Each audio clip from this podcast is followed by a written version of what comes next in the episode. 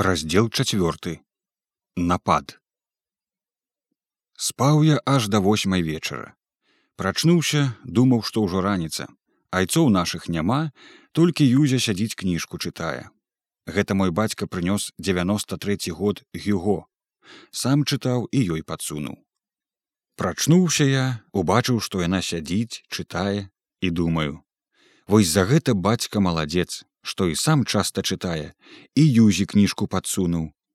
А я і сам цяпер амаль што нічога не чытаю а галоўнае у голаў мне не прыйшло прывучаць да добрай кніжкі юзю. Зрабілася мне сорамна. Юзя мне сказала што мой бацька пайшоў на меншавіцкі мітынг а яе бацька у сталоўку на варонію. І кажа што ўжо позна на вежы празванілі тры чвэрці восьмыя. Я хутчэй падняўся каб ісці Чаму ж ты кажу мяне не будзіла? На варонію са мной пойдзеш? А сам думаю хоць бы ты лепей не пайшла а то перашкодзіш мне пагаварыць за ронам не кажа не пайду. І цябе сёння не пушчу туды. Кніжка дужа цікавая давай чытаць разам ды пажартавала. Лепей кажа чытаць пра другіх як яны галовамі наклалі чым накладаць сваёю і устала абвела мяне за шыю руками і пачала цалаваць не ідзі кажа. Мацей паслухай мяне пабудзем у дваіх дома ой не юзечка і хацеў што-небудзь зманіць ды не ведаў як. Мне хацелася пагутарыць за ронам а тут яна прычапілася сваімі пяшчотамі ой не кажу абавязкова мушу схадзіць да пана болеся я даў яму слова маніш слова гонару што не маню і зрабіў самы сур'ёзны выгляд а маніў як найлепей каб ашукаць яе. Ну добра да яго збегай. Поверыла яна што не маню ды да панам болесем кранулася.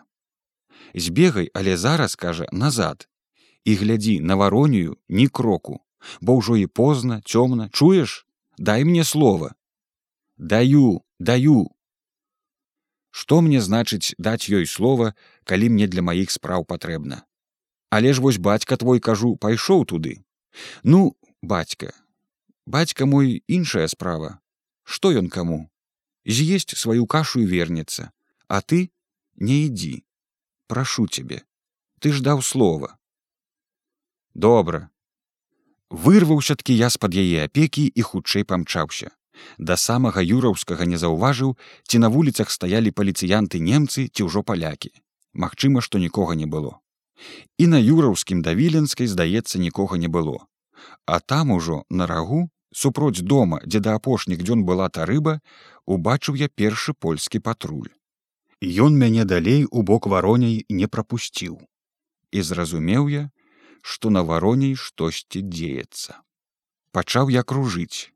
Забег ад пагулянкі. Патрулі кінуўся назад бег бег праслі знуткі на газавы завулак каб прабрацца ад віллі. І там патруль на патрулі. І бачу залёг цэлы ланцуг пазнанцаў у нямецкай вайсковай форме. Бегаў я можа з гадзіну. Нарэшце ўдалося падысці з боку звярынца да самага лукійскага пляца. І тут я выпадкова трапіў на патруль у якім былі абодва браты пстрычкі Хоць было цёмна, але яны мяне пазналі і вельмі ўсцешыліся мне свайму былому дарэктару. Я ж быў вельмі ўсхваляваны і прычыну вытлумачыў тым, што на вароней у доме Антановича жыве мой добры прыяцель. Да яго жонкі пайшла ў госці моя жонка, дык вось бягу ратаваць, каб там не заначавала трывожны час яны горача ўзяліся дапамагаць мне. Спярша праўда суцяшалі што праз гадзіны дзве ўсё будзе скончана спакойна можна будзе прайсці туды і назад. А калі я не мог суцешыцца яны параіліся між сабою потым пагаварылі з некім сваіх кіраўнікоў і вось большы пстрычка ўзяўся мяне туды падвесці. Подвёў аж за касцёл якуба і там залёг ланцуг пазнанцаў. Далей ісці ён пабаяўся. Я горача яму падзякаваў і рынуўся адзін. Толькі падбег да клуба, адзаду з боку палякаў пачалася страляніна. Перад гэтым каля дзявятая гадзіны з'явіўся ў клуб, як мне тут зараз расказалі нейкі студэнт, што раней хадзіў сюды як свой, а цяпер начапіў на шапку польскага арла, а на рукаў белую павязку. Прыйшоў пытаецца: где комендант і убачыў тараса а прошен пана пане коменданце естем парламентар і падае запіску адрасавана яна была проста ў пакой нумар 20 пісаў яе палкоўнік вейтка прапанаваў палкоўнік каб не было дарэмнага крыві разліччя з таго і з таго боку няхай варонее здаецца да 11 гадзіны дзве гадзіны на размышленне наўпрыкі ўсякай далікатнасці ніякага адказу палкоўніку не далі. Наўпрыкі ўсякім раней пісаным законам парламентара арыштавалі і нават зняважылі словам. Бо тарас у злосці назваў яго не парламентарам а сабачым сынам. Як жа крычаў на яго тарас.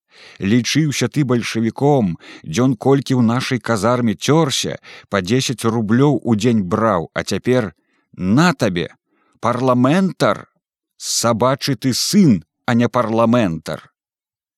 Можа троху і штурхнуў бы але не было часу ім займацца. Загадаў тушыць агні займаць свае месцы сядзець чакаць нападу. Між іншым я спярша падумаў ці не болеся часам з яго доўгім языком і сердабольнасцю прынясло сюды з запіскаю. Аж не як апісалі мне які ён гэты студэнт дык быў не болесь а потым як пачуў што гэты і ў казарме цёрся дык упэўніўся што сядзіць цяпер пан болесь у сваім цёплым пакойчыку. Першымі ахвярамі з нашага боку ляглі лахінскі і плахінскі. Пачулі трывогу і не даеўшы кашы кінуліся ўцякаць з клуба. Але прарвацца ўжо не маглі. Тады яны пабеглі да плоту на газавы завулак палезлі там праз плот і ў гэты момант насціглі іх абодвух бязлітасныя белыя кулі. Лахінскі дык і завіс на плоце і вісеў так перавесіўшыся галавою на газавы завулак а нагамі на падворак клуба цэлую ноч і другі дзень з раніцы да вечара. А дзядзька мой па старасці можа і на плот не ўзглабаўся.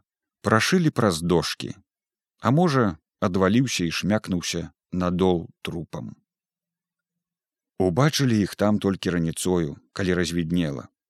Але прыбраць іх не было як. Лахінскага здаецца нехта пазнаў ці неяк здагадаўся што гэта ён. А хто ляжыць под плотам ніхто і не ведаў. І я даведаўся аб яго гібелі толькі выйшаўшы на волю. На свае перажыванні таго часу я ўжо забыўся даўно было. Патроху всякая вострасць прытупляецца. Усё патроху з памяці вылятае.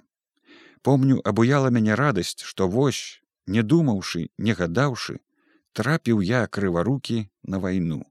І на такую дзе і галавы не шкода калі трэба дык і трэба. А самае то важнае калі жыцця свайго для справы не шкадуеш тады нічога і не баішся тады і змагацца лёгка і нават ісці на смерць прыемна. Пэўна ж не было мне тады часу разважаць як разважаю гэта. Трэба было рабіць і я стараўся рабіць так каб было добра спачатку ўся наша работа была ў тым што мы сядзелі ды чакалі на пагатове. Першыя пачалі страляць яны. Спярша са стрэльбаў а потым і з кулямётаў. Мы не адказвалі пакуль яны не лезлі блізка. І ўсё помню чакалі мы прыбыцця нашых атрадаў з парубанка і звярынца. А іх няма і няма перад самым нападам палякаў атрад на парубанку быў занят перавозкай узброі на варонію пачуўшы што варонія абкружана яны паехалі адбіваць Парубанак знаходзіцца ў паўднёвай частцы горада за вакзалам і далёка за вакзалам. Там спярша каміны, радунскі тракт, потым парубанак, аэрадром. Яны ўехалі ў горад, а на шпалернай ці на радунскай вуліцы на іх напалі з засады немцы і палякі. Галоўнае, што адразу ранілі шафёра. Здаецца, ён потым і памёр ад ран. Грузавік адабралі, атрад разбегся. Атрад жа што стаяў у звярынцы нават і сабрацца не паспеў. Я быў у заставе ў доме антановича начальнікам заставы быў кунігас ляўданскі. Жыхароў мы з кватэр павыганялі загадалі ім ісці схавацца ў сутарэнні